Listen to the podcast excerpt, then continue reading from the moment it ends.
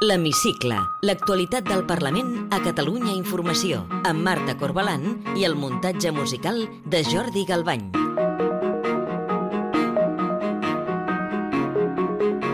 La presidenta del Parlament, Laura Borràs, és a un pas de ser jutjada i el seu futur polític està en l'aire. Aquesta setmana el jutge ha tancat la fase d'instrucció i veu indicis de prevaricació, frau, malversació i falsedat documental en la seva gestió al capdavant de la Institució de les Lletres Catalanes entre el 2013 i el 2017.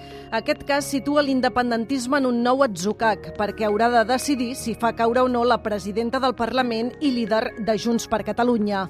Avui Avui entrevistem el diputat de Junts, Joan Canadell. Benvinguts a l'Hemicicle.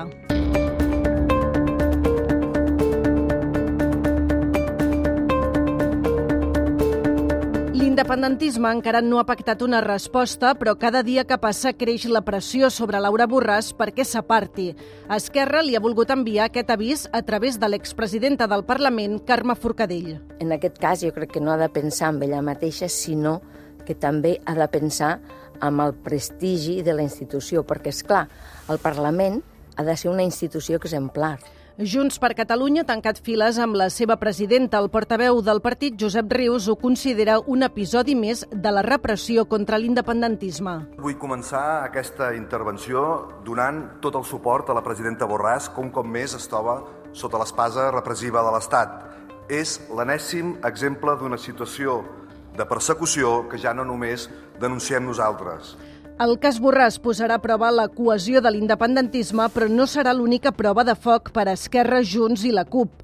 El Tribunal Constitucional ha anul·lat aquesta setmana el vot delegat del diputat de Junts, Lluís Puig, exiliat a Bèlgica des del 2017. La mesa del Parlament haurà de decidir ara si li retira el vot o li manté, exposant-se una querella per desobediència.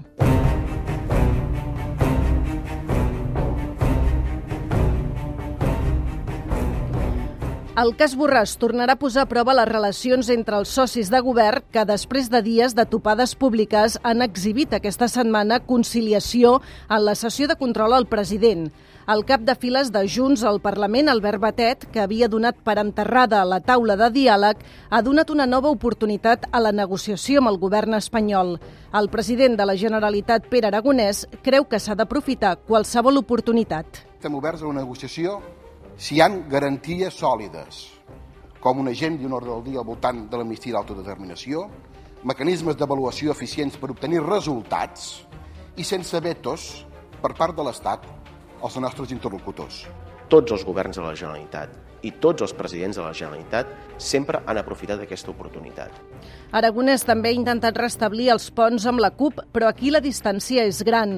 La diputada Dolors Sabater acusa el govern d'haver-se instal·lat en la gestió autonòmica. Jo els hi demano, tornin a, anar a pujar al carro, tornin a exercir la influència que els hi van donar els seus votants. Estic convençut que si és així i amb bona voluntat ens posarem d'acord. President, on és el projecte propi i l'agenda independentista i de transformació? On és el cop de puny damunt la taula? On és el fer-se valdre? El president també ha provat de restablir la confiança amb els comuns que li han reclamat un gir de les seves polítiques. Escoltem el portaveu d'en Comú Podem, David Cid, i la resposta d'Aragonès. Miri, president, cal que rectifiqui, perquè mentre vostè sigui el president i el seu govern continuï, els seus fracassos no són només els fracassos del seu govern, són també, en aquest cas, la hipoteca que hauran de pagar els catalans i catalanes en el futur. Senyor diputat, jo estic convençut que ens podem entendre en molts àmbits eh, i que precisament el que vostè demana de gir de 180 graus eh, no toca fer-lo. I el cap de l'oposició, el socialista Salvador Illa, ha tornat a demanar a Aragonès una taula de partits catalana. Senyor Batet ha parlat de diàleg jo hi estic d'acord. A tot arreu, en tots els formats, també entre catalans.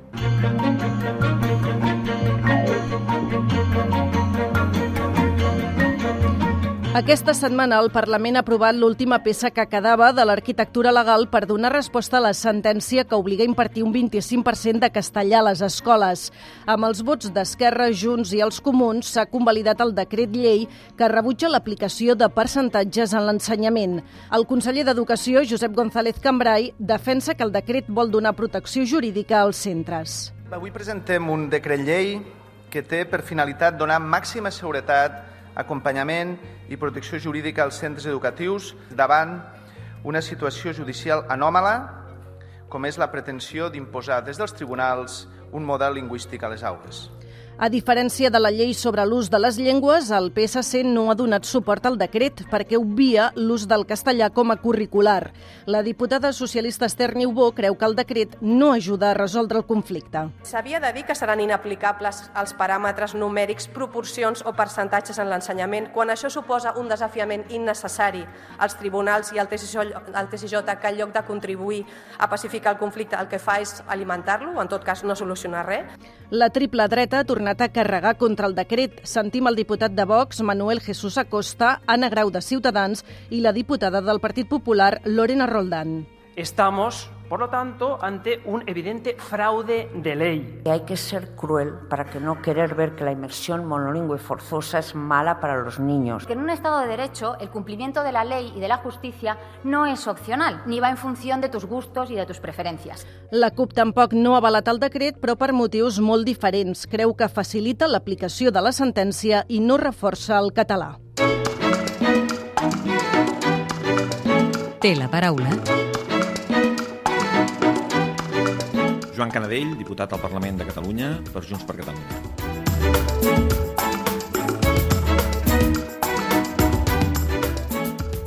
Aquesta setmana Junts per Catalunya ha presentat al Parlament una moció per exigir a l'Estat que compleixi amb les inversions a Catalunya. A qui atribueix aquest dèficit inversor? Bé, això va... Portem molts anys amb aquesta situació, per tant, eh, hem de dir que al final eh, ho hem d'atribuir a que cap govern de l'Estat ha tingut interès real en que s'executessin els pressupostos al 100%, eh? ni que s'assignés el pes eh, de les inversions segons el nostre PIB o la nostra contribució a l'Estat. Entendria que els seus socis d'Esquerra tornessin a avalar els pressupostos generals de l'Estat si no es corregeix aquest dèficit inversor? Bé, en tot cas nosaltres ja hem demostrat i hem tornat a fer-ho amb aquesta proposta d'aquesta moció que nosaltres no votarem els pressupostos de l'Estat mentre no hi hagi un tracte eh, com toca a Catalunya. Tampoc demanem cap eh, cosa que sigui excepcional, simplement que compleixi amb els, amb els compromisos. Per tant, nosaltres no ho farem. Aquesta setmana, Pere Aragonès i Pedro Sánchez han coincidit de nou en un acte eh, de PIMEC a Barcelona on no hi va anar cap representant de Junts per Catalunya. El seu partit dona, doncs, per trencades les relacions amb el govern espanyol? Bé, de fet, el partit i el Parlament eh, va votar en aquesta línia. Per tant, per nosaltres no, no, hi ha hagut, no hi ha cap canvi, perquè encara eh, necessitem explicacions eh, de què ha passat amb el Pegasus i eh, disculpes i, i, i acció política en aquesta línia. Per tant, mm, si van votar això i no hi ha hagut canvis, nosaltres seguim on havíem d'estar. Però, en canvi, eh, Esquerra sembla que sí que ha canviat eh, de posicionament. Si més no, la setmana passada hi va haver una reunió entre la consellera de la presidència i el seu homòleg espanyol i, eh, en principi, abans de l'agost s'han de reunir els presidents aragonès i el president espanyol Pedro Sánchez. A què atribueix aquest eh, canvi, aquest gir d'Esquerra? Bé, en tot cas això eh, els hi haurà de preguntar a ells. Eh, nosaltres ens mantenim en que fins que no hi hagi un canvi real d'actitud per part de l'Estat eh, no, no normalitzarem eh, les relacions. Junts per Catalunya demana garanties per incorporar-se a la taula de negociació amb el govern espanyol, tot i el seu absolut escepticisme des del primer dia. Quines garanties concretes eh, demana? Bé, primer l'agenda per nosaltres sempre ha sigut eh, autodeterminació i amnistia. Aquest és el, el, primer, el primer punt que, que no, no podem fer qual, cap altre tipus d'agenda que no sigui aquest. I després garanties de que realment eh, hi haurà d'alguna manera eh, el que en dèiem la figura d'un mediador o, o quelcom similar que mm, d'alguna manera eh, ens, eh, ens asseguri eh, que allò que es parli doncs, eh, tindrà eh, un sentit. Eh? Per tant, nosaltres, si hi ha voluntat real i es fa amb un termini eh, relativament ràpid, hi serem. Si no, tampoc. Ja veurem la ponència que s'aprova eh, en el, el 16 de juliol, eh, però el que diu és que per nosaltres la taula de diàleg s'acaba l'1 d'octubre. Exactament, la ponència política que Junts aprovarà al Congrés del 16 de juliol eh, posa data de caducitat a la taula de diàleg, que és l'1 d'octubre, coincidint amb el cinquè aniversari del referèndum de l'UO. Eh, això vol dir que si no ha donat resultats la taula eh, de diàleg, demanaran finiquitar aquest teòricament instrument de negociació? Estem parlant de que simbòlicament per nosaltres l'1 d'octubre és molt important, seguim sent el partit que defensa l'1 d'octubre i per tant per nosaltres és el moment en el qual eh, s'ha de preparar sí o sí l'embat i emplaçarem Esquerra a, a fer aquest, eh, o de fet ja els hem emplaçat a posar la taula de coordinació en marxa per poder entre tots definir realment com s'ha de fer l'embat. Per tant, aquest és el nostre eh, full de ruta, si s'aprova en, el, en el, la ponència eh, en el Congrés Nacional i nosaltres anirem per aquí. Ara que parlàvem del Congrés o de la segona part d'aquest procés congressual de Junts per Catalunya, també està previst que eh, es faci pública l'auditoria o l'avaluació interna que està fent el partit sobre l'acord de govern eh, amb Esquerra. Vostè personalment creu que s'està complint aquest acord de govern en línies generals? Bé, no, la resposta és no, però eh, tampoc, com ha dit el secretari general, eh, estem per treure una targeta vermella i trencar-ho tot. Eh? És a dir, estem amb voluntat de realment eh, tenir una segona oportunitat perquè allò que no s'ha pogut fer doncs es faci i es faci amb una certa celeritat. Insisteixo que el temps és important. Eh, portem cinc anys eh, i, i és veritat que hi ha hagut moments en què la repressió ha passat per davant de tot hi ha hagut moments en què la pandèmia ha passat per davant de tot, però ara tot això s'ha acabat. Per tant, ara ja hem de posar d'alguna manera la directa. I per tant, per nosaltres, el temps ara ja és important eh? I, i no tenim més excuses per no avançar. Ara ho hem de fer entre tots, perquè sols també tampoc podem fer res. El, el país no ens ha donat més de 32 diputats i amb 32 diputats no farem la independència. Per tant, l'hem de fer tots plegats. Ara el que sí nosaltres tenim clar és que aquesta segona part de l'acord de govern, que passa per l'embat, que passa segons el nostre full de ruta o la nostra ponència per eh, activar la declaració d'independència, perquè ens sembla que serà l'única manera de eh, culminar el procés, doncs això s'ha de preparar ja. Dedueixo, doncs, de les seves explicacions que Junts per Catalunya no té el cap sortir del govern de manera imminent, sinó mm, redreçar el rumb del govern. Exacte, això és el que hem de fer. És a dir, eh, simplement complir l'acord de govern, perquè el que nosaltres demanem és que aquest acord de govern, que, que insisteixo, eh, el vam signar entre Esquerra i Junts per Catalunya, s'ha de complir.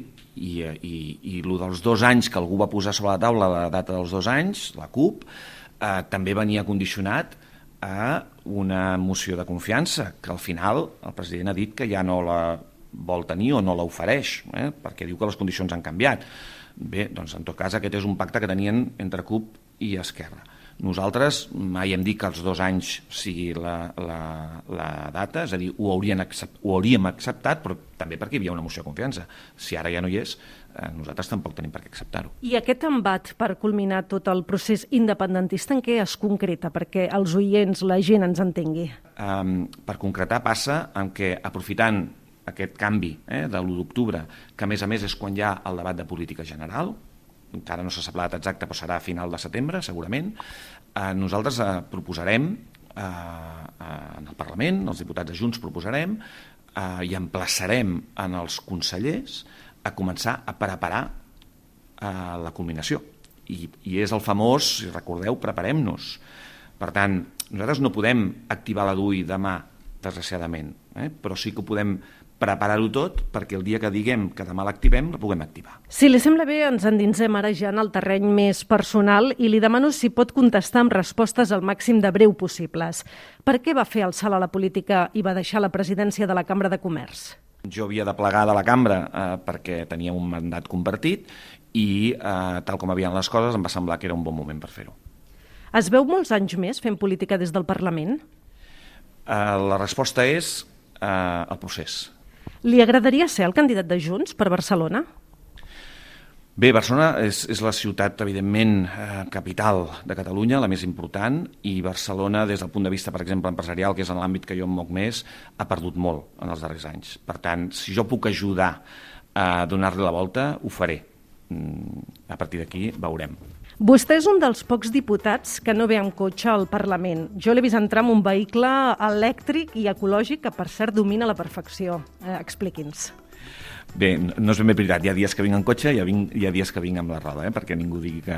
Uh, el monocicle elèctric, per mi, és el millor invent d'aquest segle en quant a mobilitat personal i, i animo uh, molta gent a que ho provi perquè no és tan difícil com sembla. Amb quin diputat o diputada que no sigui del seu grup compartiria una sobretaula distesa? Li torno a l'Òscar Ordeig, que en un article va dir que jo podia... També li torno, eh, que és un diputat amb el que eh, ens avenim força. I ja per acabar, completi la frase següent. El que més m'agradaria del món és... Home, ser independents com a país i fer construir eh, una Catalunya que, sens dubte, serà la que ens mereixem els catalans, que ara no la podem tenir. Joan Canadell, diputat de Junts per Catalunya al Parlament, gràcies per atendre'ns a l'hemicicle de Catalunya Informació. Moltes gràcies a vosaltres.